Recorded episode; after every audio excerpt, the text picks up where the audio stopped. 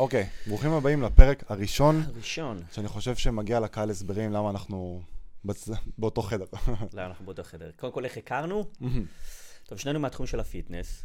אמ, איפה נפגשנו? במכון. במכון. התחלנו לדבר. הכרנו כזה בקטנה מהאינסטגרם, משהו בזה, התחלנו לדבר, ראינו אחד את השנייה, אחד את השנייה, אתה השנייה. אני השנייה, נעים מאוד.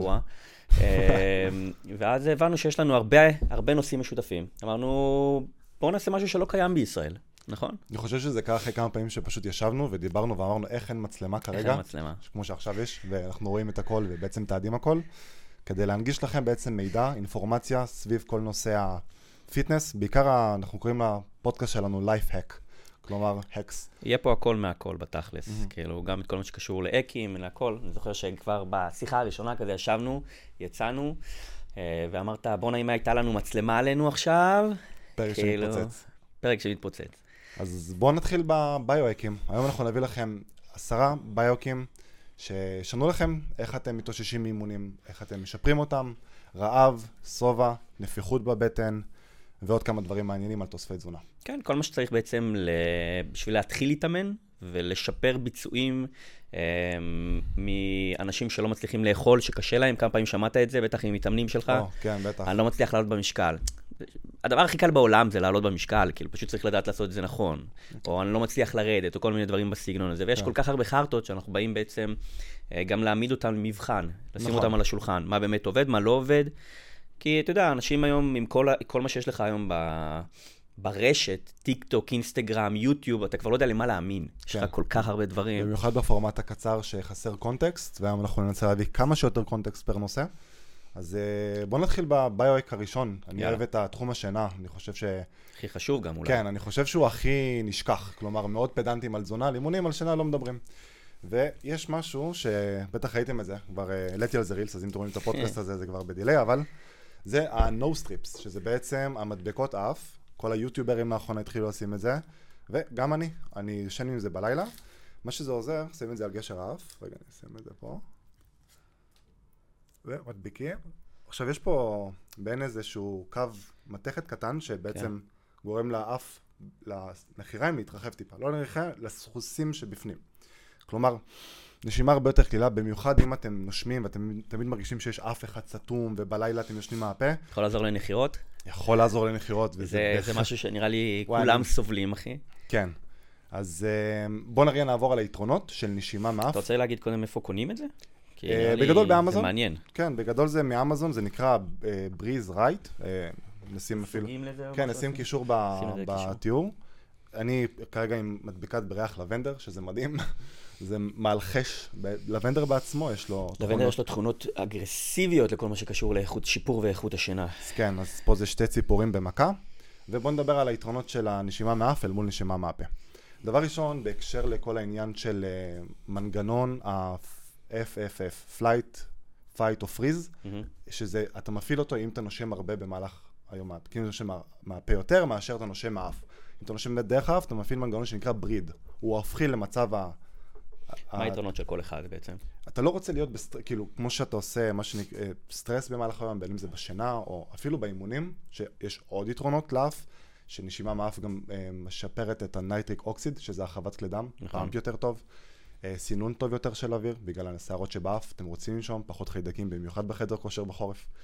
אז אתה בעצם אומר במובן מסוים שלנשום מהאף יכול גם איפשהו לעזור, בלי קשר לשינה, גם לשיפור של איכות החיים. חד משמעית. ח- גם בוא נדבר ספציפית בקונטקסט לאימונים, כמו שאנחנו אוהבים. זה מריח טוב. כן, נכון. מכיר. מחקר מ-2017 הראה שנשימה מאף אל מול מהפה באימון אנאירובי, כלומר אימון כוח. הוריד את הסיכוי להייפרוונטילציה, שזה הנשימות הכבדות האלה במהלך אימון, שאתה מרגיש שאתה מסוחרר. אני כבר אומר, בהתחלה, it's a bad bitch, כאילו אתה שורף לך אף, ואתה מת כאילו רגע שנייה להחזיר את הדרך. מזה או בכללי מלנשום מהאף? בכללי לנשום אף, אם אתה מספיק אמיץ ללכת עם מדבקות על האף במכון, it. למרות שיש כאלה גם שקופים, עוד פעם, זה שיא אופטימיזציה, אבל בוא נגיד דבר כזה, אם אתה משפר את הנשימה מהאף במהלך השינה בזכות המדבקות, אז כמו שאמרתי, יש הסתגלות של הסינוסים, כלומר התרחבות, ובעצם המנגנון הזה כבר עובד יותר טוב, אתה כבר תגיע לאימון בזכות הקטע שאתה נושם כן. בלילה דרך אף, באימון זה כבר... והשיפור ביצועים שיהיו לך משינה, כאילו, יש לך או. שינה איכותית לעומת שינה לא איכותית, שעוד רגע גם ניגע בתוספים של כל הדברים האלה, אבל אנשים לא נותנים לזה חשיבות, אבל זה כל כך חשוב. כן. זה לא יורד מלש- מלהתאמן נכון ולאכול נכון. זה פחות או יותר באותה רמה, אפילו יכול להיות יותר חשוב מהם, כאילו. במובן מסוים. יש לנו את כל הקונספט של אה, הפרשה של הורמונים שקורית לנו בזמן השינה, התאוששות שלנו שקורית לנו בזמן השינה. אנחנו בעצם, באיזשהו מובן, הגוף שלנו מחדש את כל ה... הרבה מהתאים שלו, הוא, הוא מתאושש בזמן שאנחנו ישנים.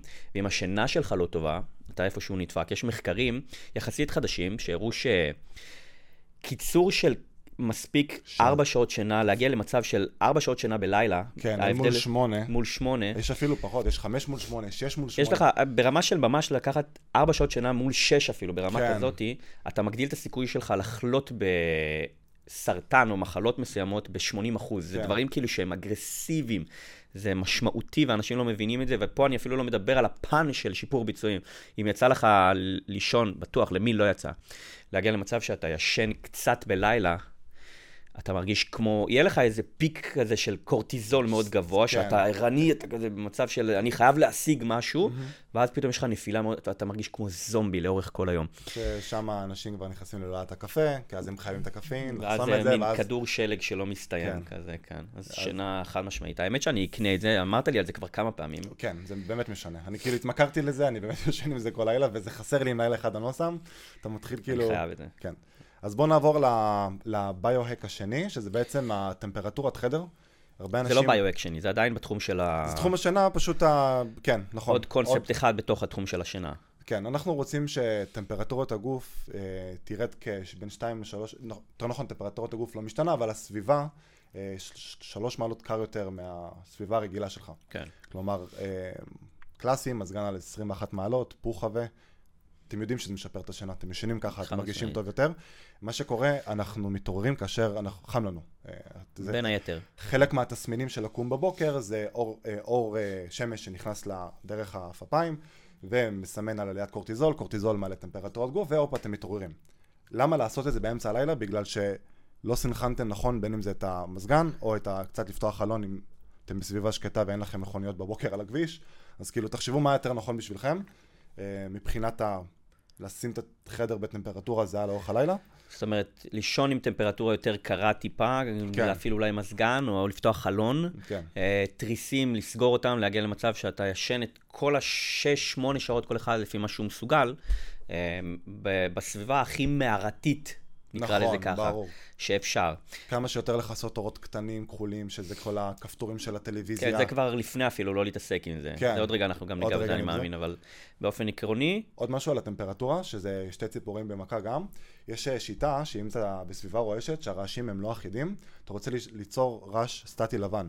אה, חלק מהזה זה לשים נגיד מאוורר, שיש לו רעש קבוע, כזה של אה, רוח. נכון. אפילו מאוורר כנגד קיר.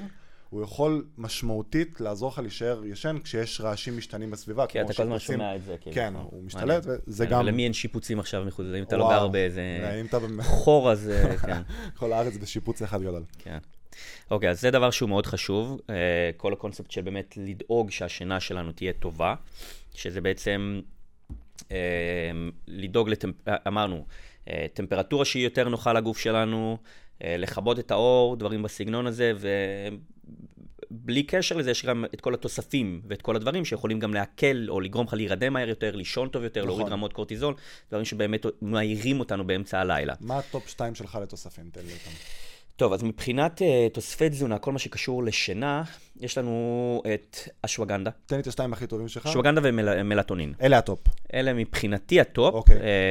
לשיפור איכות השינה. קודם כל, אשווגנדה, um, אני בטוח שכבר כל בן אדם נתקל, כל מי שמתעסק בתחום איפה שהוא נכנס לזה, שאנשים כזה, שאני אומר את השם, אשוואמה, קוואבנגה, יש לנו את אשווגנדה, שאני מניח שכל בן אדם שאיפשהו um, נכנס לתעשייה של הפיתוח הגוף או אימונים, נתקל בשם הזה, אה, שזה בעצם צמח שמקורו בהודו. הודו. בהודו, והוא תמיד היה לו מין... השתמשו בו בכל מה שקשור להורדות רמות סטרס. כבר מאותה תקופה אה, הם לא ידעו את המנגנון האמיתי, אבל היום אנחנו יודעים שהוא פשוט עוזר להוריד רמות קורטיזול, שקורטיזול זה פשוט הורמון הסטרס במובן מסוים. חלק מ... שלא חסר לנו פה בישראל. ממש לא, וזה אולי גם ההורמון הגרוע ביותר בכל מה שקשור לשריפת שריר, הריסת שריר וכו'. באופן כרוני, אקוטי הוא בסדר? כרוני. במידה מסוימת, מינונים קטנים, אתה די צריך אותו לכל מיני מנגנונים, אבל כשזה חוזר ונהיה במינונים גבוהים, אתה איפשהו נדפקת. אה, והשווגנדה הוא אחד התוספים היחידים שהוכחו מחקרית mm-hmm. כמורידים את הרמות של ההורמון קורטיזון. דבר נוסף שיש לנו זה מלטונין, שהוא נ, אה, אה, הוא אור, סוג של הורמון, סוג של אה, מוליך עצבי, משהו כזה באמצע, אה, והוא בעצם עוזר לנו ל, לנרמל דפוסי שינה שהם לא טובים, mm-hmm. במובן מסוים. יש לנו גם קולטונים של uh, כל מה שקשור למלטונין בכל מיני איברים אחרים, ויש לו גם תכונות להורדת רמות סוכר, זה בגלל הקולטנים שיש לדבר הזה, להורמון הזה, אבל בלי קשר, מה שהוא בעצם עוזר, זה, הוא מופרש קודם כל בלילה, הוא אור מאוד... בהיעדר אור כחול. בהיעדר אור כחול. בהיעדר אור בכללי. כן, כאילו, ספציפית הכחול נכון? דופק אותו, אז מסכים חבר'ה. חד משמעית, והוא בעצם עוזר לנו להירדמות קלה יותר, לנרמול של כל מיני דפוסי חריגות בשינה, אם אתה ישן פעם פה, פעם פה, mm-hmm. מה שקורה להמון אנשים שעובדים במשמרות. כן. אמ, אז הוא גם תוסף מעולה. אני אישית צורך גם וגם, ואני יכול להגיד לך שהשיפור שלי בכל מה שקשור לא, לשינה, לא, מטורף, תשמע. השתנה מקצה לקצה. השווגנדה נתן לי בפיק הראשוני הירדמות של בול עץ. זאת אומרת, היית, כן. היית צריך לבוא ולגעת בי כדי לבדוק שאני עדיין חי, כאילו, ברמה כזאת. ומלטונין באמת עזר לי לקצר את הזמן שלוקח להירדם, במקום לשכב במיטה כמו איזה זומבי. אתה כבר גורר את הרגליים למיטה שאתה עם מלטונין. אני, אתה גורר, אני אתה פשוט כאילו... נכנס, וזה... שתי כן. דקות אני כבוי, כאילו, ברמה כזאת. יש זה... עוד המון המון המון תוספים. כן. אה, אלה השניים. שלי. כן, זהו, יש לי גם top שתיים. אמ, את האמת שאשווגנדה הוא גם ב top שלוש שלי, אבל אני יש לי שתיים ששמרתי להם מקום. אני רגע רוצה להגיד משהו על מלטונין, אה, כמה דברים. דבר ראשון, תיקחו מוצר שיש עליו בדיקות מעבדה, כאילו לא להזמין את הדבר הראשון שאתם רואים בסופר פארם, עדיף שתכנסו לאיירפ, תראו שלמוצר יש... בכל תוסף תזונה זה. בכל תוסף, ספציפית מלטונין, מחקרים מראים שיש חריגות של 500 עד 700 אחוזים של... בוא, זה, זה חצי הורמון, הדבר הזה אתה לא רוצה לחרוג איתו. דבר שני, אתה רוצה שזה יהיה slow absorption, שכלומר שלא יהיה לך פיק של כניסת מלטונין לתאים, ואז כאילו הופה נעלם באמצע, ואז אתה מתעורר בארבע בבוקר, בוהה בתקרה. ואז קרה לי פעם אחת תוסף uh, כזה, שהייתי צריך, צריך לקום, לקחת עוד אחד באמצע הלילה ולחזור לישון, כי שכה. באמת, בסופו של דבר זה בטוטל, הוא היה במינון של שלוש מיליגרם, זה נמוך. הייתי ממליץ לו לעבור גם את החמש. לא, חמש לא לעבור את החמישה מיליגרם פר כדור. פר לילה, כן. לא לעשות את הדבר הזה, כן. לא, לא לבני נוער, זה קצת עם כל ההתפתחות ההורמונלית, הבנתי שגם זה לא מומלץ. ל... אה, לא רואה סיבה יש, גם לבני נוער. אה, תראה, ברמת העיקרון נכון, אין כל כך סיבה. יש מחקרים שהראו פעם שזה יכול לפגוע באיפשהו בייצור של ציר הורמונלי מסוים. בדיוק, כן. אה, זה לא ממש הוכח מחקרית באיזשהו... זה, זה סוג של... אני חושב שהתחום הזה קצת קרח כן. בתחום הזה. והדבר האחרון, זה הקטע של אם, אם אני רואה בו שימוש נכון, בפן האישי שלי, זה כשאני מנסה לסדר את השעות שינה, הרי הוא משפיע על השעון הקרדינלי, אה, כלומר כל הקטע של מתי אתה מרגיש עייפות באופן טבעי. עוד פעם, יש אנשים לוקחים את זה על בסיס קבוע וסוג של מפתחים בזה תלות, למרות שהתלות מאוד מהר נעלמת ברגע mm. שאתה מפסיק לקחת אותו, זה לא נכון. משהו שאנשים שומעים את המילה תלות על קפין, חושבים forever אני אצטרך את זה, לא, שבוע של לחתוך את זה, זה כמו גמילה מכל דבר וזה יוצא, לא לדאוג. ספציפית אני אוהב לשנות את זה כמו שטיסה בין אזורי זמן שמפה לארצות הברית אתה מגש... לא שווה לנסות את זה. כן. שווה לנסות, לראות זה מתאים, לא מתאים. שם את זה בקלאס פשוט גם של... גם לא כולם, לא כולם ירגישו את זה. במובן מסוים. זה גם לא, לא כל, כל בן אדם שייקח את זה פתאום יירדם לך, כי כמו ילדה קטנה. נכון. זה לא עובד. יכול להיות יש לו בכלל הפרעה, אה, משהו שקשור עכשיו נגיד כמו למינרל, מגנזיום, אז זה לא בהכרח יעזור לו. כן. זה יטשטש את ההפרעה, אבל איכות השינה, כמו מבחינת... אגב, מגנזיום הוא השלישי אצלי. זהו, אז הוא הראשון אצלי. אני מת עליו במיוחד ש... כמה דברים. אז בואו נדבר על מגנזיום. מבחינת ה top 2 שלי, והוא הראשון, אה, מגנזיום לשינה הוא מגנזיום ביסגליצינט או תריאונט. אלה סוגי המגנזיום שעוברים את ה-blood brain barrier, שזה בעצם מחסום הדם-מוח. טובה ביותר, כן. כן, הוא משפיע על האונה הקדמית של המוח, שזה החלק החושב בלילה, המעצבן, הזה שמציק לכם, ורגע מה אני אעשה מחר, ופה וזה. אז יש לכם אין איזה שקט נפשי, הרבה פעמים אנשים לוקחים אותו ומרגישים עייפות. הוא לא מגביר עייפות כמו מלטונין, הוא פשוט משתיק לכם את החשיבות והחששות, ואתם נותנים אופציה לעייפות בכלל לבוא לידי ביטוי. Mm-hmm. אז אני מת עליו. שימו לב, מגנזיום באופן כללי, אם זה לא בעיות שינה, הייתי ממליץ, ממליץ על ציטרט, מאחר והוא משפיע יותר על מערכת השרירים ומערכת העצבים, שהייתו ש... ההתאוששות שלו יותר סביר טובה. להניח, כן. שבן אדם שפונה באופן כללי למגנזיום, אה, מבחינת שינה זה לא יהיה הדבר הראשון שהוא יחשוב עליו, אני מניח. כן, הם לא יודעים שבכלל יש את ההשפעה הזאת. בגלל זה גם מומלץ לקחת את המגנזיום לפני השינה. כן, אני. גם המינון בערב, אם מדברים על מינונים של אה, לגבר זה 400 RDA 400 מיליגרם, נשים 300 אני אה, על מיליגרם. גרם. וואו, שאתה חולני. כן. אתה לא, המרמח תיקול שלך לא... רגע, וזה בדיוק הדבר, ה... שימו לב, לי ספציפית, הביג לייסנט, מעל 150 מיליגרם, בדקתי זה. עושה לקסיטייב, במילים אחרות. הצינור עובד מהר יותר, וזה לא נעים, כי יש איזו השפעה להשטיח את האפיטל של המי, ולגרום לנוטריאנטים גם ללכת לפח. אז אם אתה במיוחד מישהו שקשה לו עוד במשקל, כן. ואתה איכשהו לוקח מגניזם מהסוג הגרוע, שהוא אוקסיד, שהוא מה שנמצא ברובו בארץ, כי חוסכים עליכם כסף, אז ימכרו לכם מגנזם שהוא זול באיכות שלו, אתם גם דופקים לעצמכם את היכולת ספיגת נוטריאנטים, כי כל מערכת העיכול שלכם פועלת פחות טוב. אז לשים לב, אם תוסף עושה לכם משהו לא תקין, תפסיקו לקחת אותו. גירודים, שלשולים, מפריע לכם לשינה, לצורך העניין, אה, אל-תיאנין אמור להשפיע, כאילו, אל-תיאנין יכול להשפיע על... אה, עליי, עוד פעם, לא הרגיע עושה. אותי והשאיר אותי רגע לפני השינה, עושה לי teasing על שינה.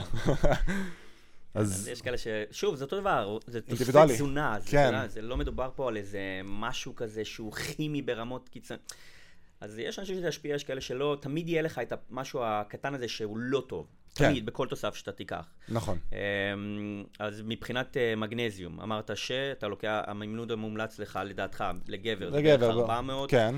אה, אני גם משלב, אם זו תקופה שאני רוצה לשפר את איכות השינה, תמיד יש לי ציטרט, הוא הקבוע שלי 400 מיליגרם כל ערב, אלא אם כן אני רוצה טיפה לתת, אה, מרגיש טרוד באותו יום, מוריד אותו ל-200, מוסיף עוד 150 ביסגליצינט או תריאונט, אחת משתיהן. שזה, אני, לא, אני לא חושב שזה מומלץ לכל בן אדם להתחיל לעשות את לא, הכימיה הזאת בבית. בבית, ממש לא, אני פשוט מדבר... ללכת לכיוון של לקחת מגנזיום לפני שינה, כן. העדיפות זה בלי לסבך, ציטרט, בדיוק.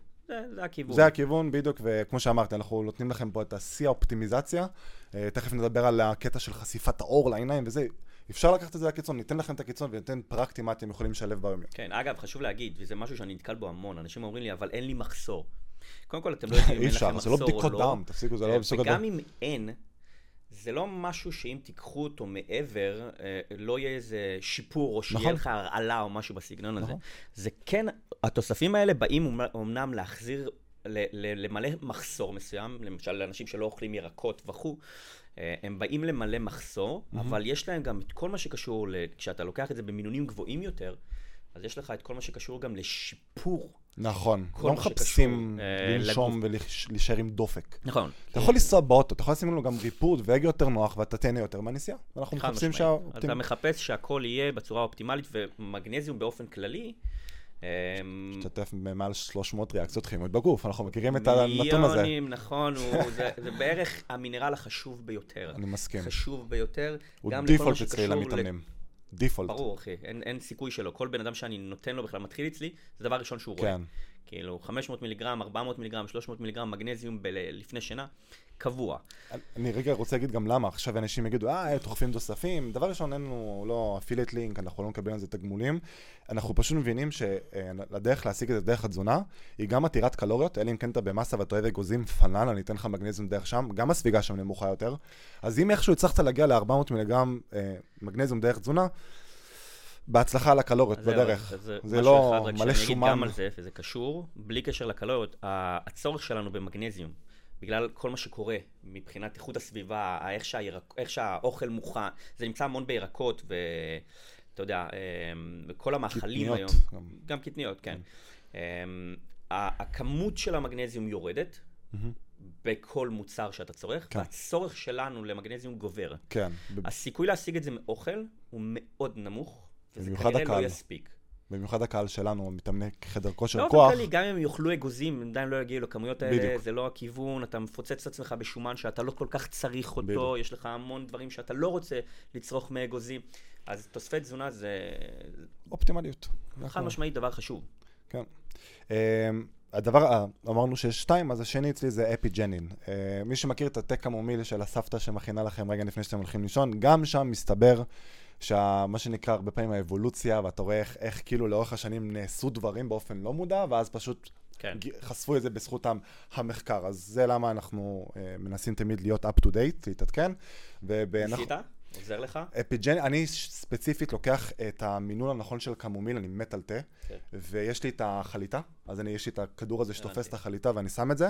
תבין, ב, ב, אני חושב, בגרם קמומיל יש לך 840 מיליגרם אפיג', אפיג'נין, אם אני סודר נכון את המינונים. זה מטורף, זה כאילו, רובו במינון של התוסף שאתה צריך, וכן הספיגה שלו טובה, אז זה סבבה לקחת את זה דרך. זה- ואתה רואה באמת שיפור בשינה עם הדבר הזה? או- אני אני לא אוהב תה, אז אני לא... אה, אוקיי, אז אני חושב שהוא יותר משפיע על האיכות של ה... אה, יש לי את השעון של הוופ ספציפית, עכשיו הוא לא על היד שלי, לא יודע למה. מהמם. אה, נראה לי הורדתי אותו לפני הפרק, אבל אה, הוא מודד את הרבדים שאתה נכנס לעומק השינה. כן. ובדקתי כל מיני דברים, חשיפה לשמש וזה, כל מיני מה שנדבר בהמשך. כן, תה חד משמעית עזר להישאר יותר ב-REM, Rapid Eye Movement. זה השלב הזה בשינה, שאתה, התהליכים של ההתאוששות שאמרת בתחילת הפרק קורים שם. אז שיפור קל יותר, המחזורי שינה הם 90 דקות, ויש wake event בין לבין, אז הם היו קצרים יותר. זאת אומרת שניסית לעצמך ואתה אומר שזה בהחלט עוזר. כן, מבחינת דאטה, fucking דאטה בשעון המצחיק הזה, שהוא, אם מי ששואל זה וופ 4.0, גם אותו אני אשים בקישור, תזמינו מאמזון, אין לי שום קשר מבחינת אה, תגמולים, שווה. גם- אם אתם רוצים בתוסף, אז... חשוב אה, לציין שכל מה שאני- שאנחנו אומרים פה, ניסינו על עצמנו. כן, כאילו. זה שנים אחי. שנים של ניסיון, אה, זה, זה נעשה- לא משהו שקראנו עכשיו באינטרנט ואנחנו אומרים לך, קחו את זה. נעשה פרק על הדברים הגרועים שניסינו, אבל לא עבדו. כן. אה, אז זהו, מי שרוצה זה בתוסף, מספיק 50 מיליגרם של האפיגנין בכדור פשוט, אה, למי שאין כוח לתה ולהכין ופשוט רוצה את ה- את ה chunk של הכדורים בסוף היום, אז כן, זה יכול לעזור. ובואו נעבור לנושא הבא שלנו מבחינת... אה, ש... רגע, נסגור את השינה עם הנקודה לאור שמש בעצם. שזה גם מאוד חשוב, כמובן, כן. כמו שאמרנו, גם עם כל מה שקשור למלטונין, אור שמש, אה, איפה שהוא עושה בלוק מסוים אה, להפרשה של מלטונין, ב- שזה, עושה בלוק בהפרשה במהלך היום, כן. אור שמש. מלטונין זה הורמון אה, שהוא מופרש מבלוטת אה, האצטרובל, בלוטת האצטרובל, הפייניל גלנד. ניל, כן. אור, ש... והוא מופרש בעיקר בחושך. כן. זאת אומרת, ברגע שיש לך אפילו את הקצת נגיעה הקטנה של האור, אתה איפשהו קצת משבית או מונע הפרשה טובה של ההורמון הספציפי נכון. הזה. אבל יש לזה גם בלי קשר לאור עוד מיליון דברים, נכון? כן. יש לך את כל מה שבאת להגיד עכשיו על... אור, אור, נכון, על האור בבוקר. אם כבר מצאתי משהו מגניב בטלפון, לא הקטע של הורדת בהירות הרגילה.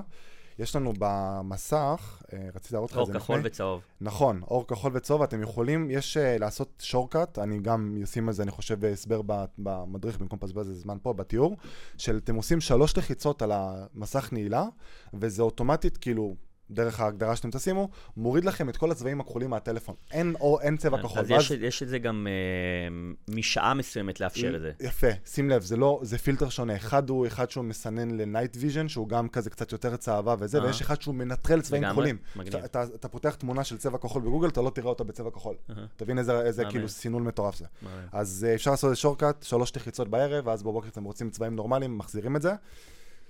והחלק הכי חשוב, אני חושב שדיברנו על זה עוד בפרק ההוא, אה, ויש את העניין של ללכת, אני אומר, כאילו, איך אתם יודעים ששמש עוזרת לכם? ואז אני בא ואומר, זוכרים יום שישי שהייתם בים, חזרתם הביתה ונטרקתם לשינה הכי טובה שאתם זוכרים אותה עד הרגע הזה שאתם שומעים את הפרק, זה הכוח של השמש, זה לא המלח של המים, זה כן. לא המטקות שעשה אתכם עייפים, זה האמבטיית שמש החולנית, שאם אני נכנס קצת יותר לדיטיילס, זה בעצם העיניים שלנו יושבים בתוך שקעים בגולגולת, socket.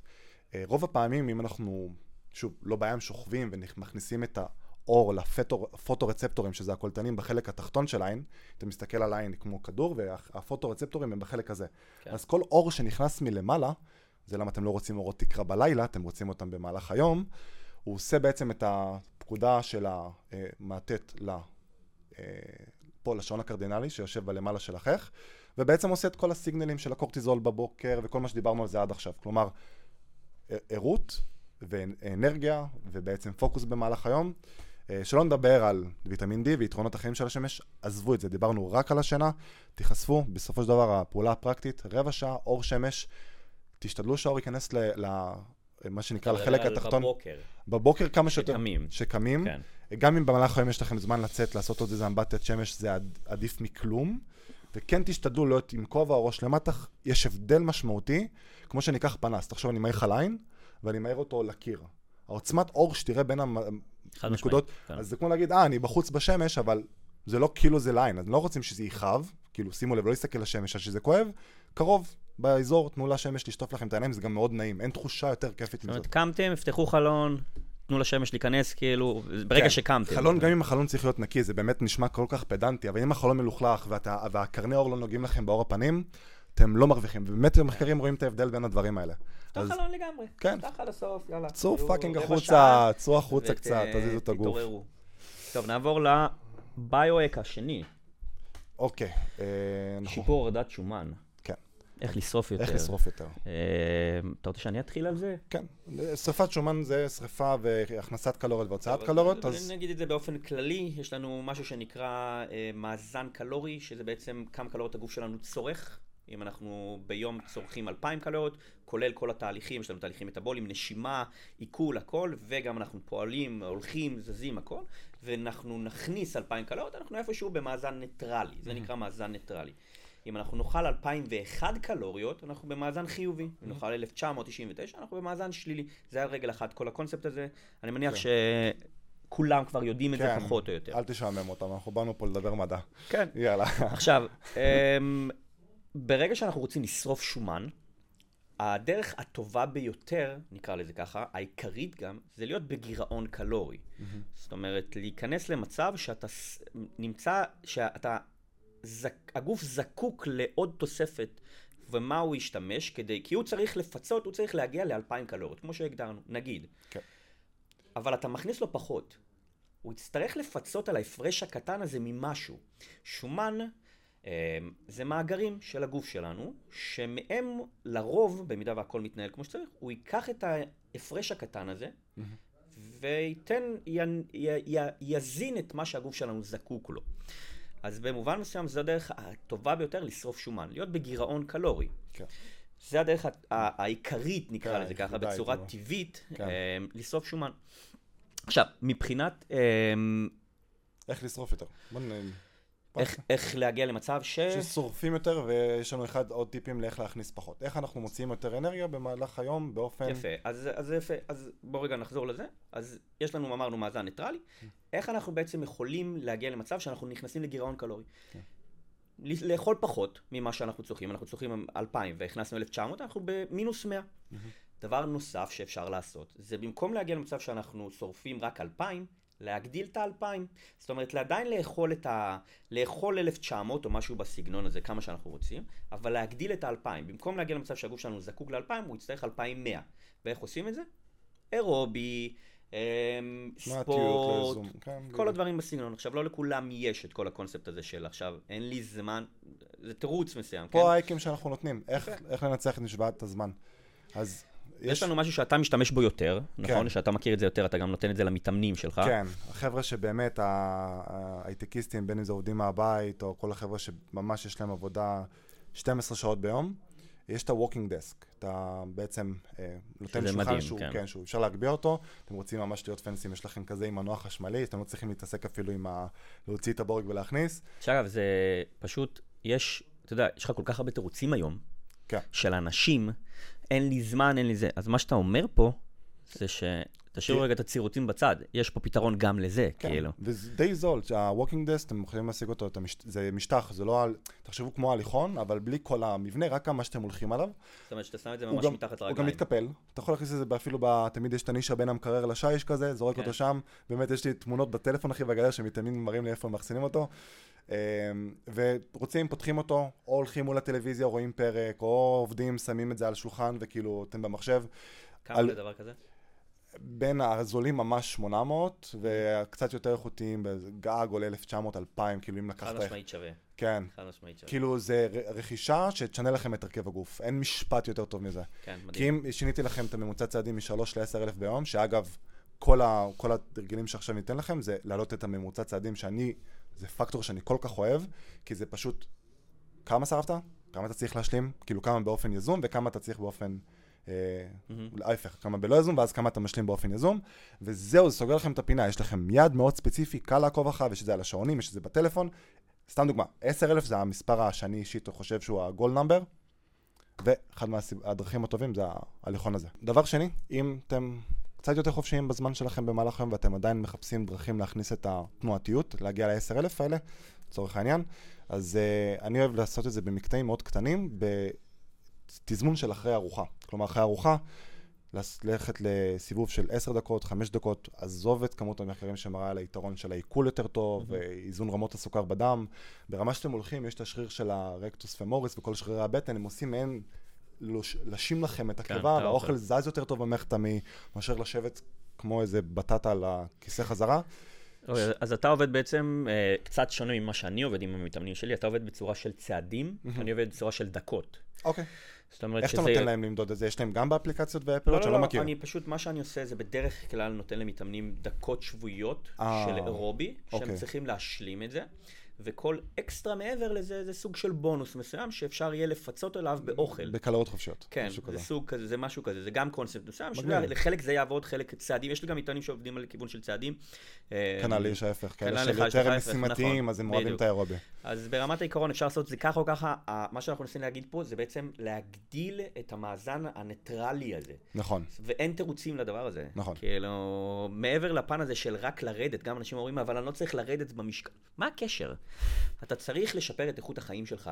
לתזוזה, mm-hmm. יש קשר ישיר בין תוחלת חיים, חיים כן. טובה כן. יותר. משרד ל... הבריאות העולמי אומר שהממוצע, המינימום שאתם צריכים לזוז ביום זה 7,000 צעדים. 7,000 צעדים, נכון. תפתחו את הטלפון, תכנסו לאפליקציית הבריאות, כולכם חיים עם אייפון, תכנסו ממוצע שבועי, ואני רוצה לראות את המספרים בתגובות. אגב, משהו שקשור לזה גם, אה, זה שאפשר לקנות היום מד צעדים. כן. אתה מכיר את הדבר? כן. זה 20 דולר, משהו כאילו... חבר'ה שבמשרד הביטחון אצלי, ולא יכולים להיות עם הטלפונים עליהם. זה כמויות. כן, זה כאילו, אתה אומר, בנות שהן נגיד עם טייץ ולא יכולות לשים טלפון בכיס, או כן. דברים כאלה. זה איזה עיגול קטנצ'יק ששמים את זה בין ה... תופסן, ששמים את זה על כן. זה, לא משנה איפה, אתם יכולים לשים את זה בכל מקום, והוא פשוט בודק לכם צעדים. כן, כאילו, אין יותר מדויק מזה. זה הדבר הכי קל בעולם. תסתכלו על זה בסוף היום, לא הגעתם לזה שלכם, אתם יודעים שאתם צריכים לה, להגדיל את הצעדים שלכם. נכון. תתחילו לזוז, תתחילו ללכת מהחדר למקרר, כאילו, ברמה כזאת. יש לי, יש לי באמת מתאמנים, שאני אומר להם, כי הם אומרים, תשמע, לא, יורד גשם, לא בא לי, לא זה. אוקיי, לך מהחדר שלך למקרר, תעשה ככה בלי סוף. אתה רוצה להיות משועמם, תעשה את זה, כאילו. אבל תגדיל את הכמות צעדים שלך, לא יעזור, כאילו. כן. אתה יודע, בסופו של דבר, המטרה של כל הדבר הזה, למה אנשים מתחילים להתאמן מלכתחילה? זה, זה לא באמת כדי לשפר את הבריאות שלהם. כאילו, לא. זה, זה לרוב יהיה עניין של נראות ויזואלי, מסוים. תמיד. משהו ויזואלי, נכון. אבל הם לא מבינים שזה ויזואלית נגמרת בצורה, בשלב מסוים. היא נגזרת של שיפור הבריאות. הבריאות שלנו זה הדבר העיקרי, כאילו כן. בסופו של דבר זה הדבר הכי חשוב. אז יש לך את כל המאמנים האלה, שאני לא אנקוב בשמם, שאומרים לך לא לעשות אירובי. תגידו לי, מה, אתם מפגרים כאילו? אתה מאמן ואתה אומר לאנשים לא לעשות אירובי? כאילו... איפה אתה חי? אוקיי, אז אתה לא רוצה להגדיל אותה, את, ה, את הגירעון הקלורי, אבל לפחות תן לו להזרים דם, תן לו לש, כן. לשמן את הגוף שלו, תן לו לעשות משהו עם עצמו, כאילו, תן לו לשפר את הבריאות שלו, זה כל כך חשוב. אה, והיום אנחנו יודעים חד משמעית שאירובי זה הדבר הכי חשוב שיש לשיפור בריאות, כן. מבחינת, כאילו, למה לא לעשות את זה? אם אתם יודעים שזה יכול להאריך לכם את החיים, למה לא לעשות את זה? חד משמעית. כל אחד, כמו שאמרנו, ייקח את זה לצורה של איך הוא מיישם את זה. אבל לעשות. כן. לעשות אבל זה, כן. פשוט, אני, אנשים פשוט יש להם אה, אנטי, וגם לי, כאילו, אני... אני גם, אני לא אוהב. אני לא אוהב להשתמש במילה, אנחנו לא אוהבים את זה, אנחנו לא אוהבים להגיד את המילה אירובי. קחו שנייה מהקונטקסט של מה שאמרת, זום אאוט, תנועתיות, וזהו. תנועתיות. כאילו, בין אם זה בדקות על ההליכון, תחביב ספורט שאתם אוהבים, ללכת עם הבת זוג על הטיילת, להוציא את הכלב בסיבוב בפארק. שזה מדהים. שכן, כאילו הרווחתם פאקינג 20 שנה נראה לי לחיים שלכם. כן, וגם הכלב שלכם יאהב אתכם סביר כן, להניח יותר. וגם כאילו. הוא יחיה יותר. חד משמעית. אני לדוגמה, הכלב שלי שמן, אחי, כאילו, אמיתי. אתה ראית אותו? לא ראית? לא. שמן רצח, אה, ואני יכול, ותשמע, אנחנו עם חצר, כאילו. והסיבה זה פשוט כי הוא לא עושה אירובי, אמיתי, זו הדוגמה הכי טובה שיש, כן. הוא פשוט לא הולך. הוא, אנחנו רוצים להוציא אותו, הוא נשכב לרצפה, לא נותן לנו לקחת אותו. אם הוא היה עושה אירובי, הוא היה הכי כן. רזה. אתה מבין? כן. אז זה גם קשור לבעלי חיים, חד משמעית. כן, כאילו, רואים את זה בהתנהגות. אתה רואה את כל ה... את החיות המבויתות שיש אצלנו, לעומת מה שבטבע, אחי, הן שמנות פי שלוש בגודל, כאילו זה... תראה את הקיוטי ואת כל הכלבים שנמצאים שם, אחי, הם רזים, אתלטים, אחי, קופצים לך על גדרות של שתי מטר, לעומת הכלבים שיש היום, אחי, הם שמנים, כן. כאילו הם שותים, אה, אוכלים מקדונלדס כל היום. אז רובי, יש לזה קשר, חד משמעית.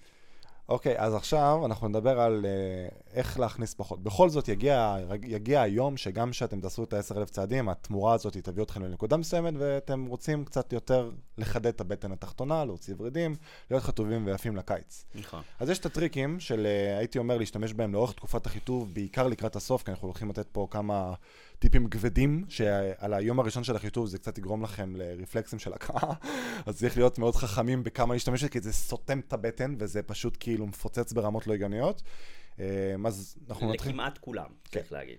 אני, אני, כאילו, זה טיפ שאתה משתמש בו בכוסות מים, תכף תגיד כמה ואיך. אני אומר על הנמס בכוס עם הסקיני פסטה, אני אספר על הסיפור ההכנת תחרות שלי, שהכנת תחרות של פיתוח גוף טבעי, דורש ממך להגיע לאחוזי שומן סופר נמוכים, ברמה לא בצורה הגיונית. טבעית זה קשה, קשה. אקסטרה. כן, רמות רעש שמטמטמות אתכם במשך, בוא נגיד שלושה חודשים האחרונים אתם חצי זומבים, ואתם רק חושבים על איך לסתום את הבטן. אחד מהדברים הטובים שעזרו לי, זה אה, שקית של נמס בכוס, אם אני לא טועה זה היה של, ה- יש אחד של 60 קלוריות, עם שקית של 80 כזה. כן, תלוי בטעם, לשקית של סקיני פסטה. אתם מדברים 20 איתי קלוריות. על קערה בגודל של הראש שלי, ואתה אוכל את זה לפני אוכל, ואז אתה אומר, מה, למה הכנתי עוד סלט, ולמה יש לי פה עוד חביתה על הצלחת? אז מי שלא יודע, סקיני פסטה, רגע, אה, הקונוטציה למרק, גם חשוב לי לסיים את הקטע של למה מרק וזה. יש מחקר ספציפית על, אה, נתנו למשתתפים לאכול מרק לפני הארוחה, ויש להם מזנון בופה פתוח, יעני, לכו תאכול, וראו שצריכה ממוצעת של 507 פחות קלוריות מהקבוצה שלא אכלה מרק. לפני הארוחה, ורמות שובע גבוהות יותר לאחר מכן. כאילו. תבינו, זה גם אוכל פחות וגם שובע ארוך יותר. תבינו את החשיבות של נוזלים ונפח קיבה, זה קונוטציה גם למשקאות מוגזים ולעוד טיפים של סיבים תזונתיים ולכל... יש לנו סנסורים סביב הקיבה, אם אני לא טועה זה ה-G סנסורס, או שאלה, אה, לא זוכר, אה, זה ה-G כן. סנסורס, כן. שהם אחראים, על- מרגישים, הקיבה שלנו מרושתת נוירונים בקטע מפגר, כאילו יש עוד מלא דברים שם. אחד מהם זה הקטע של הנפח. אמ, כל ה- כל ה-hate שעשו על שתייה מוגזת בגלל איזה ממתיק במינון נמוך, שימו את זה בצד. גם על זה יש טריליון מחקרים שמראים שזה עוזר- להפחתה, צריכת קלורית, ומה. יעשה אתכם יותר בריא מלהוריד אחוזי שומן בגוף? נקודה. חד משמעית. אז, אז יש לנו באמת גם את ה... אתה דיברת על uh, כל הקונספט של סקיני פסטה, נכון.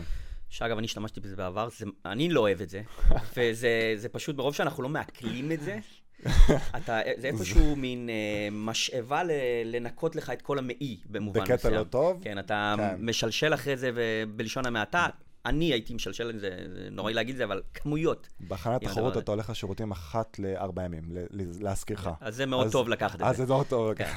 אה, שאני מניח שאנחנו גם ניגע בזה, בכל הקונספט של באמת כל מערכת העיכול, למה משלשלים, לא משלשלים, דברים שנספגים, פחות, יותר. פרק שלם, כן. פרק שלם טיפול. משמעית, יותר אפילו. אה, skinny pasta, אתה רוצה להגיד מה זה? אמ, זה אטריה קונג'ק, נכון? ש... זה צמח, זה השורש. השורש של- אה, של צמח בשם קונג'ק. כן. אה, יש לו יכולת ספיחת נוזלים של 95 אחוז, משהו כזה. הוא ב- נוז- ברובו נוזל. נוזלים ועמילן. בדיוק. במובן מסוים, אנחנו לא מעכלים את זה טוב בשום צורה, זאת אומרת שאתה איפשהו... סך אה, הקלורי שלו בגוף מתבטא ב-9 קלוריות ל-100 גרם.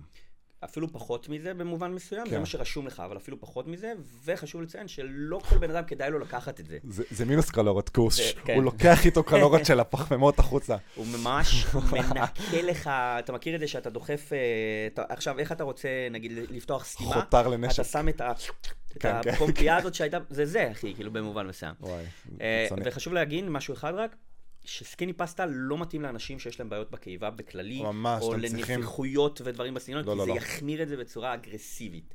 עוד משהו אם כבר סקיני פסטה וכאלה שמתלוננים על הטעם, כנסו לעמוד, השתמשתי ב... אין טעם, אחי, אתה כל כך נטול. מורעב, אתה תאכל אחי חול, זה לא... בוא. יש אנשים גם במצבי קיצון יהיו מוכנים, אתה יודע, מאוד אה, בררנים באוכל, אני בא ואומר, נכון, הוא נטול טעם, הוא קצת אפל. תראו את המתכונים שאני עושה איתו, יש לי צרור של אה, מוקפצים. פסטה? כן, כן. מדהים.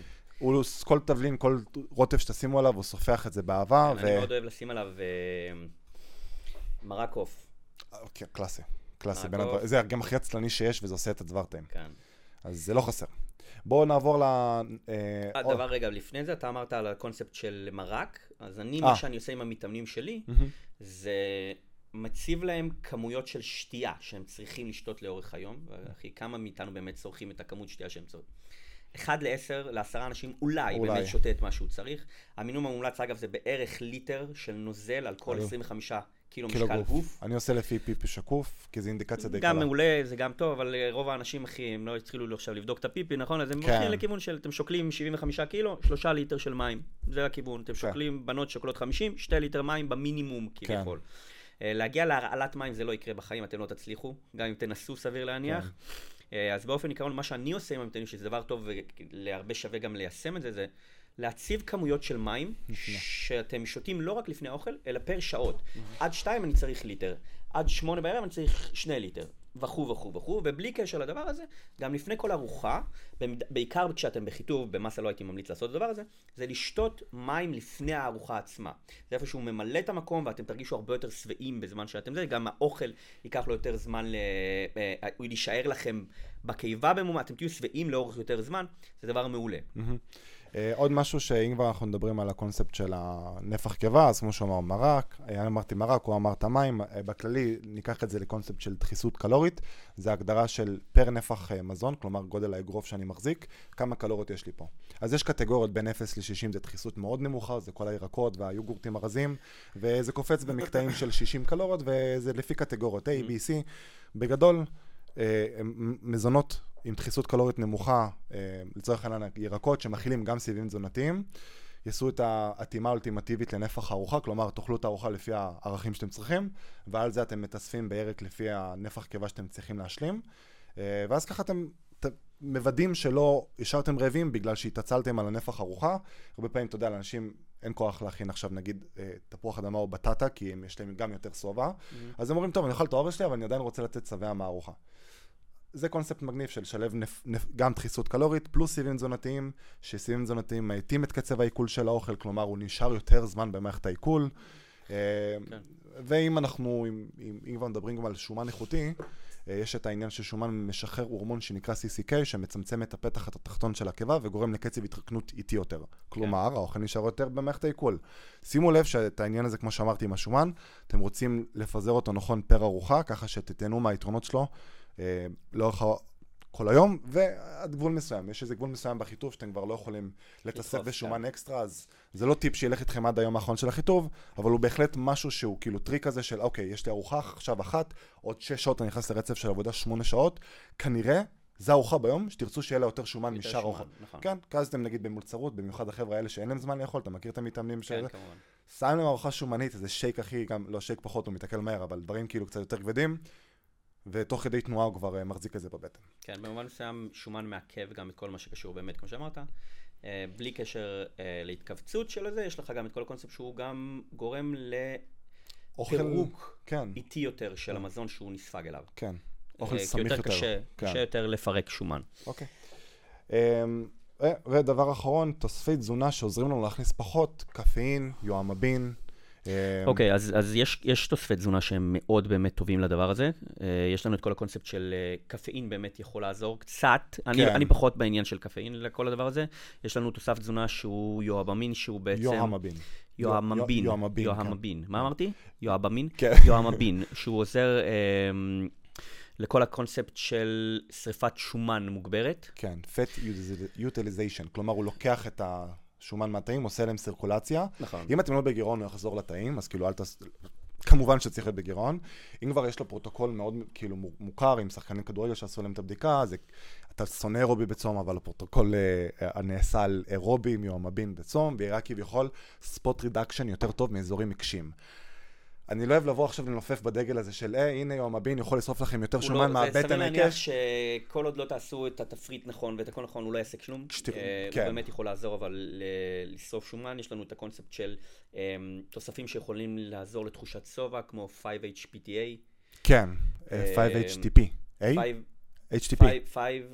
5-HTP. עוד פעם מההתחלה. יש לנו את כל הקונספט של אה, תוספים שיכולים גם לגרום לנו לתחושת שובע, mm-hmm.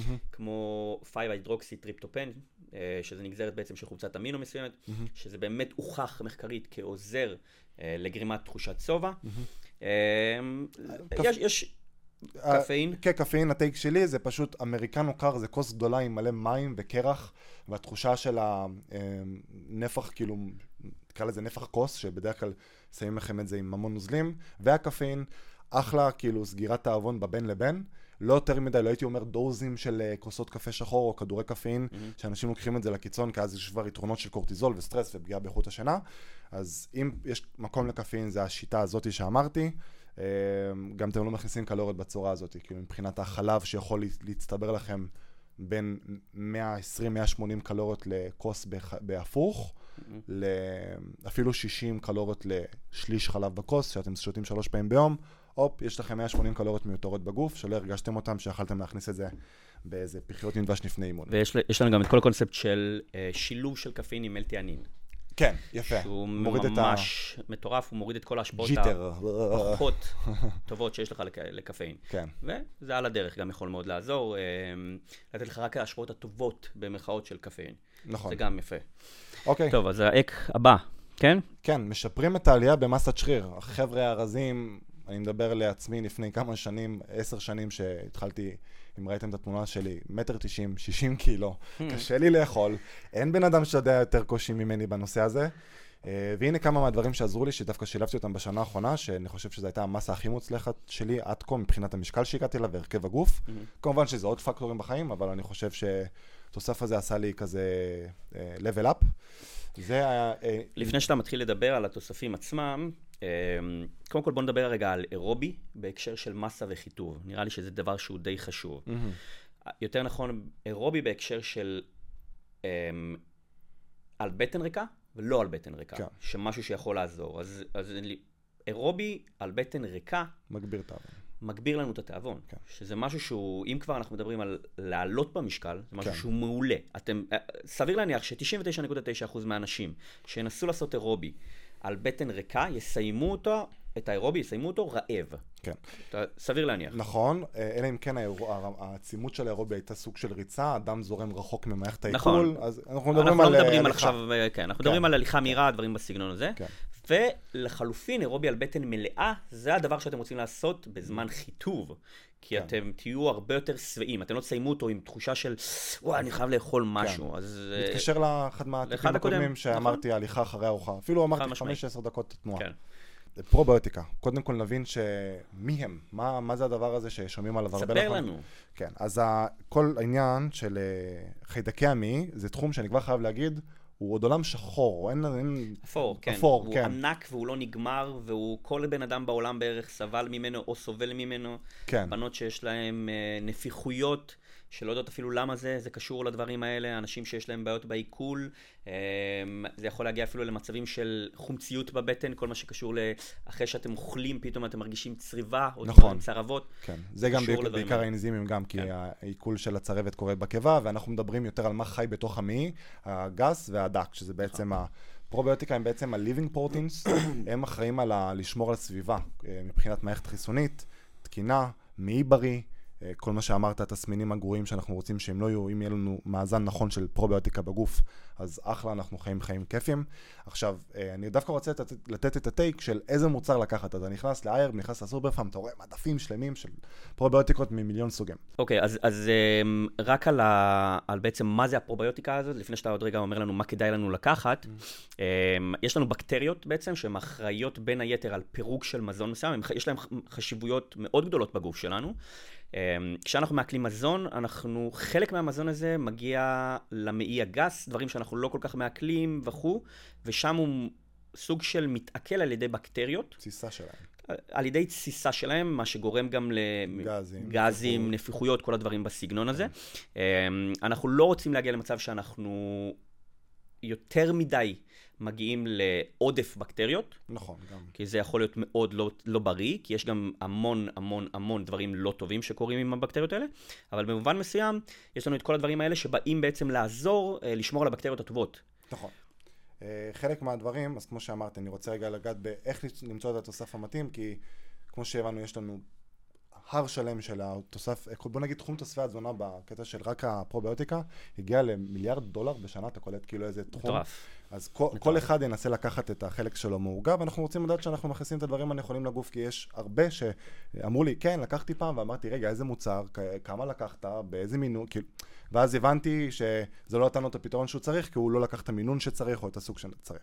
דבר ראשון, אנחנו רוצים להסתכל על ה-CF, CFU, שזה ה-Colony Forming Units. בעצם זה כמה אה, מושבות, אה, נספרים את זה במיליארדים, אנחנו רוצים להכניס לגוף, בדרך כלל 3-5 מיליארד, כל עוד הם באמת קיימים בפנים, שתכף זה הנקודות האחרות, אנחנו במצב טוב. לזכור שבדרך חלק גם אה, מתים בקיבה, חלק מתים לכם כבר בכדור עצמו, שזה בעצם הדבר השני. אנחנו רוצים לקחת מוצר שיש לו גם מבחינת איכות שימור מוצר, דיברתי על זה בהתחלה, שאתם יודעים שהתעבורה שלו והבדיקות מעבדה מבטיחים שהוא לא עמד בטמפרטורות גבוהות, כי אחרת אנחנו הורגים את החיידקים שבפנים. עוד משהו, זה צריך שיהיה להם פריביוטיקה.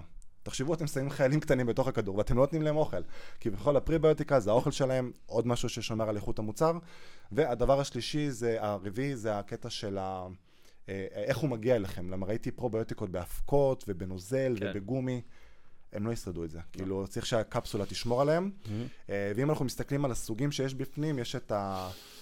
לקטו בקיולוס, נכון? שזה בעצם הכי נחקר מה, מהקולוני? יש שלושה מאוד מחקרים, כן. כן. הוא אה... ספציפית, אתה רוצה שהם, אתה רוצה בסופו של דבר, זה פחות נוגע, נוגד, אה, פחות נוגע לאנשים, כן. אבל כשאתה מסתכל מאחורה, שיהיה לך... לקטובצילוס, אלה נכון. השתיים הכי זה, ואתם צריכים לראות שהוא במינון הראשון וכל השאר. יש לך איזה לינק או משהו כזה שאתה יכול לשים ב description? כן, כן, אני אשים כמה מוצרים שאני אישית אה, מאוד אוהב. והאנזימי עיכול, תן בראש.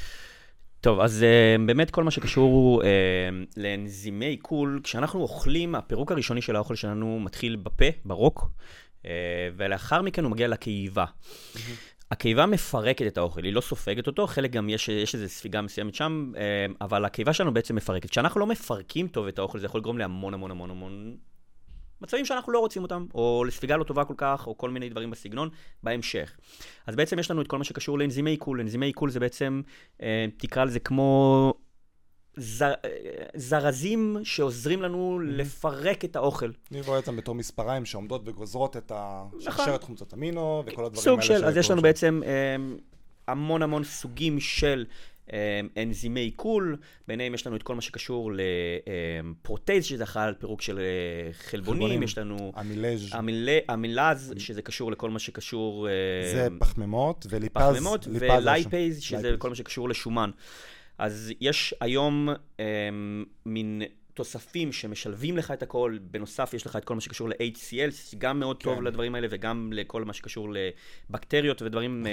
uh, בקיבה, שאתה מקבל בעצם את הכל כתוסף אחד, נכון. וזה משמעותית יכול לעזור לך לפרק את המזון בצורה טובה יותר, ומתאמנים שאני נותן להם את הדבר הזה, uh, קודם כל אני רואה עלייה מאוד אגרסיבית במשקל, אנשים mm-hmm. שקשה להם לאכול, יש אנשים שלא אוהבים, כן. קשה להם, או שהם מרגישים, לא מצליחים לסיים את האוכל, או שהם רעבים, אוכלים משהו, ואז שמונה שעות אחרי זה הם עדיין, כן.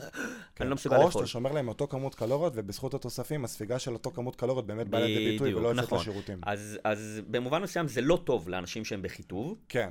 כי אתה מפרק, אתה סופג יותר, יותר. מהמזון עצמו, כן. אה, ובחיטוב המטרה שלך זה לספוג כמה שפחות במובן מסוים, כן, ובמסה זה הדבר הכי טוב שאתה רוצה שיקרה. נכון. אה, אני יכול להגיד לך שלי אין בעיה לאכול ואני עדיין משתמש באנזימי עיכול. זאת אומרת, אני יכול לאכול, אה, לבלוע הכי ילדים אם אני זה, אבל... ואני עדיין כאילו משתמש באנזימי עיכול, זה מאוד מקל עליי. תחושה של הזאת, של הכבדות הזאת אחרי אוכל, אין לי את זה. אני מת על שתי, אנזימי עיכול שאני חושב שהם הטופ בשבילי, זה הברומלין שיש באננס בכמויות מפגרות, זה כן. אני תמיד אוכל בשר אדום עם אננס. אתם מכירים את זה מהוואי, שזה מאוד נפוץ שם, עוזר לפרק את החלבונים, ופפאין, שזה גם נמצא בפפאיה, אני לא אוהב את זה בפפאיה, אבל יש את זה בתוספי אנזימי עיכול, בדרך כלל יש מיקס, כמו שאמרת. בדרך כלל זה יגיע הכל ביחד. HCL, ליפז, ברומלין, אמילז, פרוטז, כל האלה mm-hmm. יש לכם ברשימה אחת.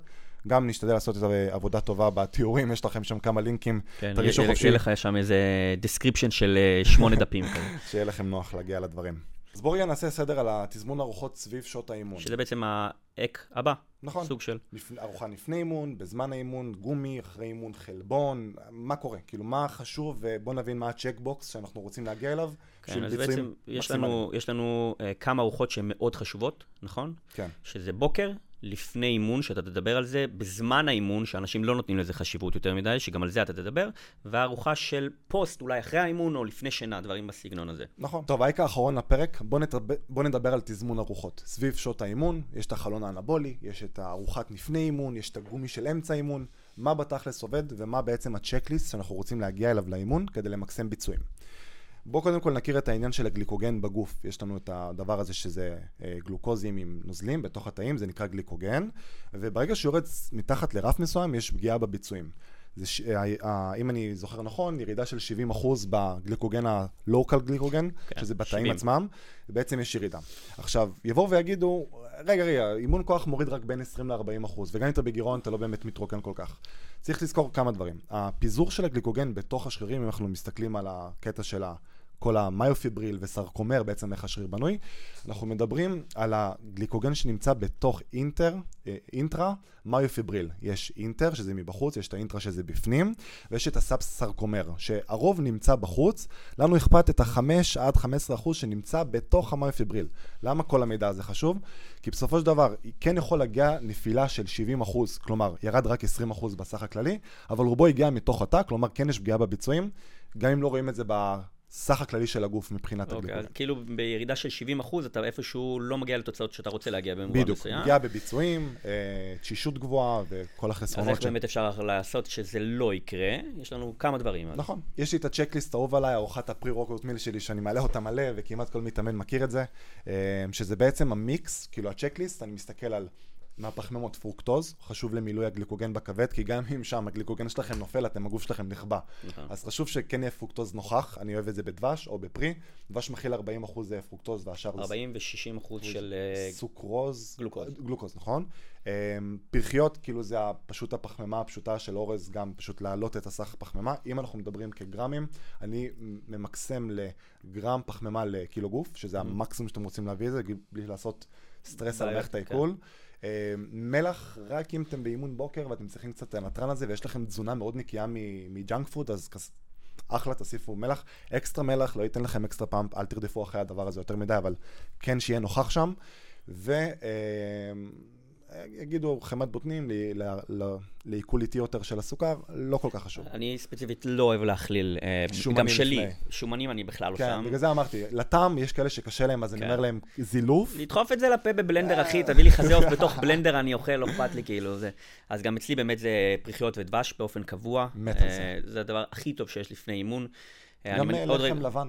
גם לחם לבן זה. מעולה. לחם לבן וריבה, סתם דוגמא. גם חד משמעית מעולה. אתה עוד רגע תדבר גם על מה לעשות בזמן האימון, שזה לא חשוב לא פחות. אה, אני רק מוסיף לזה גם טיפונת חלבון ללפני אימון. קלאסי. זאת אומרת, איזה חצי סקופ או משהו בסגנון הזה. קלאסי. זה הפריורט מיל המושלם. למי שקשה עם חלבון והטעמים והעיכול, אפשר לקחת את זה כ-BCA פחות אידיאלי, אבל אם מדברים על עיכול, זה הגולד סטנדרט, כאילו. כן. חומצות האמינו המסועפות עוברות את המערכת העיכול מבלי צורך של עיכול בכליות. בואו נדבר רגע מה, אז רגע, מה קורה בתוך האימון. לפי דעתי, אם יש לכם את הפריורט מיל המושלם הזה, אין שום בעיה. אלא אם כן אתם חבר'ה שסופר פעילים ביום, ואתם גם עובדים בעבודה פיזית, וגם כאילו אתם בגירעון קלורי גדול, ואתם רוצים למקסם את אמצע האימון שלכם, יש את כל הקרבולין, כל הפחמימות המילנים של אמצע האימון, אה, שהם אחלה, כי מאחר וה... כמו שה-GI סטרס, כלומר העומס על מערכת העיכול הוא מאוד נמוך. מצד שני, ה- האינדקס הגליקמי שלו לא הכי גבוה. אז כן, כאילו, אחלה, קל לעכל את זה. לא אידיאלי אם אתם מחפשים ממש את הכניסה המהירה לתאים, אז יש מה שנקרא דקסטרוז, צריך לשים לב, הוא יותר על מערכת העיכול, ואנחנו רוצים דילול של בין 8 ל... 6 ל-8 אחוז, כלומר על כל 6 גרם של דקסטרוז אנחנו רוצים 100 מיל 100 של מים. של מים. כן. ואז גם לשם אתם יכולים להוסיף מה שאמרנו, את החומצות אמינו ואת הקריאטין אגב, שהוא מקושר לספיגה טובה כן. יותר לשבוע הראשון. אז שוב, זה, זה, זה, זה מתאים, זה באמת יכול לעזור. להגיד לך שזה מתאים לכולם, לא. זה לא. באמת יכול לעזור. אה, ודבר נוסף זה שזה נותן לך אקסטרה קלוריות. כן, זה לא מי חשבת זה. שמחפש, מי שמחפש. זה אנשים לא חושבים על זה יותר כן. מדי. זאת אומרת, אנשים שרוצים גם לעלות במשקל, לשתות בזמן האימון, אתה במילא שותה מים. נכון. כאילו אם אתה לא שותה מים בזמן אימון, אתה בבעיה בלי קשר, אבל מה הבעיה לשתות מים עם טיפה עוד קצת אה, סוכר בפנים? בדיוק. נותן לך את האקסטרה קלוריות, אפילו 200-300. אפילו פטל. מהמם? כן. אוקיי. אז מה מה אתה אומר על ארוחות אה, נפ- אוקיי, אז, בכללי? אז אתה מילאת? פה את כל מה שקשור באמת ל... לזמן של האימון. יש את כל הקונספט של ארוחה של אחרי אימון, שזה חשוב לא פחות כמובן, אבל היא קצת שנויה במחלוקת, כי אם אכלת באמת טוב לפני האימון, זה קצת פחות חשוב, כי יש לנו איזה מין, אה, מין סביבה מסוימת שאתה רוצה להיות אנבולי בה, אבל אם אכלת לפני האימון, זה בסדר גם לאכול שעתיים, שלוש, ארבע, חמש לאחר האימון, זה די בסדר. Um, הדבר שאני רוצה לתת את הטייק זה באמת ארוחות הבוקר. כי אתה יודע, יש כל קונספט הזה של לצום בבוקר, uh, לא, כן, גרוע ביותר. Um, כמו שדיברנו ממש בתחילת הפרק, את כל מה שקשור לקורטיזול. עכשיו, קורטיזול זה הורמון שהמטרה העיקרית שלו זה להכניס סוכר לדם. יש לו עוד מטרות, אה, החלשה של המערכת החיסונית וכל מיני דברים בסגנון, אבל um, התפקיד העיקרי שלו זה להזרים מהר סוכר לתוך הדם. ומה הוא עושה כדי לעשות את זה? כי אין לך סוכר בדם, כי אתה לא מפרק. אכלת, מפרק. מה הוא מפרק? חלבון ושומן. שריר. כן. כשיש לך רמות גבוהות של קורטיזול, אתה מפרק שריר. לא תאכל ארוחות בוקר כשאתה כנראה עם הרמות הכי גבוהות של קורטיזול, אתה תפרק שריר. אתה לא תראה מפתח גוף שלא אוכל ארוחת בוקר, זה לא קיים, נקודה. עכשיו, זה לא אומר שאתה תמות אם לא תאכל ארוחת נכון. בוקר, אבל אם המטרה שלך זה לחיות בריא, אגב, יש המון חסרונות לקורטיזול גבוה, מיליון חסרונות, ויש לזה, זה קשור, יש המון מחקרים מטה-אנליזות, מטריות של מחקרים שמראות לך אה, קשר ישיר בין, תוח... בין אה, פגיעה בכל מיני אזורים בגוף, אה, תוחלת חיים לקויה וכו', לאי אכילת בוקר, okay. אוקיי. יש המון. אה, ואם המטרה שלך באמת זה למקסם שמירה על שריר, mm-hmm. אתה רוצה לאכול בבוקר וכמה שיותר פחמימה וחלבון. Okay. זאת אומרת, לדחוף את הכמות חלבון העיקרית שלך, יש לך שלושה מקורות של חלבון עיקרי, שזה בבוקר, לאחר האימון ולפני שינה. Mm-hmm. שם אתה רוצה לדחוף את כמות חלבון הגדולה ביותר, עם כמות מסוימת של פחמימה. אני אישית אוהב לאכול את רוב הפחמימה שלי בבוקר. וואו. אני, במסה אין דבר שאני אוהב יותר. כאילו, אני דוחף איזה 200 גרם של קורנפלקס, אחי, אז ככה. יש, יש שאלה, אז um, הרי יש מחקרים שמראים שכביכול יש פיצוי על סינתזת חלבונים במידה ולא העלית, הרי כמו גירעון קלורי, שאתה יכול כאילו, אתה יודע, נכון, אז אז באמת יש אתה לנו... יודע את- מה, הבנת את הקונספט? כן, כן, כן, כאילו, הבנתי את מה אתה מתכוון. לסיים את השאלה שזה, זה כאילו, באים ואומרים, אם אני גם ככה אוכל את אחרי זה את השתי הארוחות שלי, ושם אני מקבל פיק סינתזת חלבונים גבוה יותר, ויש את הגל העולה והגל העולה יורד, ואז כאילו אתה בעצם משלים את הממוצע לאותו כיוון של בניית חלבונים, בשתי ארוחות. אני, לא שאני תומך בזה, אבל בוא תגיד למה זה פחות טוב. אוקיי, אז קודם כל, אין לזה ממש תמיכה. אה, יש לזה תמיכה מדעית, כי כן... אה, אה, אני אגיד את זה שוב, יש תמיכה מדעית מאוד קטנה לנושא הזה, כי כן. באמת, הסך החלבון היומי הוא יותר חשוב. אנחנו יודעים היום שהגוף שלנו מסנטז חלבון בכמות מסוימת פר פרק זמן, זה לא שאומר שהחלבון יתבזבז, נכון. אבל כן, חלק מזה ילך לשריר וחלק ילך לתהליכים אחרים, כי חלבון אחראי על המון תהליכים בגוף, למעט בנייה של שריר. נכון. Um, כמו לדוגמה, אם אתה תאכל כמות חלבון גדולה יותר ממה שאתה יכול במובן מסוים לסנטז ל- שריר. ל- לשריר, אתה גם תפצה על כל מה שקשור לפירוק חלבון, כי יש לנו תהליך של גם השריר, הגוף מפרק חלבונים בזמן, ה, בזמן היום-יום, נכון. כאילו. אז יש לזה גם, יש לזה קונספט מסוים, אבל גם כשאנחנו רואים, ויש איזה מחקר אחד שמייק יזרעיטל, מי שיודע, מכיר אותו, הוא דיבר על זה בצורה מאוד אגרסיבית, שמראים באמת תזמון של ארוחות, שאם אתה ממש מתזמן ארבע ארוחות ביום Mm-hmm. ונותן פיקים, אתה תהיה באיזשהו אה, רף אנבולי, אנבולי כן. זה בנייה, יציב לאורך היום, והמסת שריר שלך תגדל בצורה אגרסיבית הרבה יותר, מאשר פיקים של קפיצות אה, כן. שלא יספקו לך את אותו דבר. אתה יודע, יש לי אנלוגיה שאני מת על זה, אני בא ואומר, תחשבו על האפרוח, אתם מגדלים אותו בחממה, הוא צריך לחיות בתנאים של 30 מעלות. אתם לא תפצו על ה-10 מעלות בבוקר ב-60 מעלות בערב, מדהים. ופאקינג תשרפו את האפרוח שלכם. מדהים, אחי. אז אני קורא לזה אנלוגיית האפרוח, ו... מדהים. אני אאמץ את זה חד משמעית, זה, כן. זה דבר שהוא פשוט זה נכון. חממה, עזוב את זה, אמרת בדיוק החלבונים, כאילו ברובם הולכים גם לתהליכים של לאו דווקא מסת שריר, ואם אתה אפילו יורד לאחוזים, 10% מהחלבון שאתם אוכלים הולכים לב- לבניית רקמות שריר, ו-90% הולך לדברים אחרים, נכון. מערכות חיסוניות ובריאות העור, ו... אתה רוצה להגיע למצב שאתה מפצל את הארוחות שלך כמה שיותר. והדוגמה הכי קטנה, הכי, הכי, סליחה, הדוגמה הכי טובה, והיא לא מגובית מחקרית, אבל תסתכלו על אנשים שזה העבודה שלהם, באדי בילדרים. כן. הם לא אוכלים ארוחה אחת, הם לא מדלגים על ארוחות, הם לא מדלגים על ארוחת הבוקר, הם לא אוכלים, הם לא מפסיקים לאכול שלוש שעות לפני שינה. הם אוכלים ארוחות וחמש ושש, ולמה? כי זה הכי טוב לבנייה של מסת שריר, נקודה. פיקס. אה, טוב, זה היה ההק האחרון לפרק הזה. תבינו, יש לנו עוד צרור של נושאים לדבר עליהם, בין אם זה, כמו שאמרנו, בריאות מערכת העיכול, והפרק הבא שהוא בעצם על אה, כל מיני מיתוסים. הדיבור ושבור. כן, ואחריו- פיטו שיט קראנו. כן, נכון. ואחריו יש לנו את הדבר המעניין, על כל הדיאטות המוזרות שקפצו וחוזרות בשנים האחרונות. בקיצור, תישארו מעודכנים, תרשמו בתגובות את הממוצע צעדים שלכם, אני עדיין מחכה. אה, אני אומר שהממוצע יהיה 4,000. כן, בין 4 ל-6. אה, אתה מדבר על ממוצע של כולם. ממוצע של כן, כולם. כן, כן. 4, לדעתי. זה- יאללה, אני אומר 5, אני ונאור מתערבים פה. אנחנו מתערבים על 4 אלף. אה, ותשתפו את הפרק, תהגו חבר שאתם רוצים שיהיה יותר גדול מכם, ותישארו מעודכנים לפרק הבא.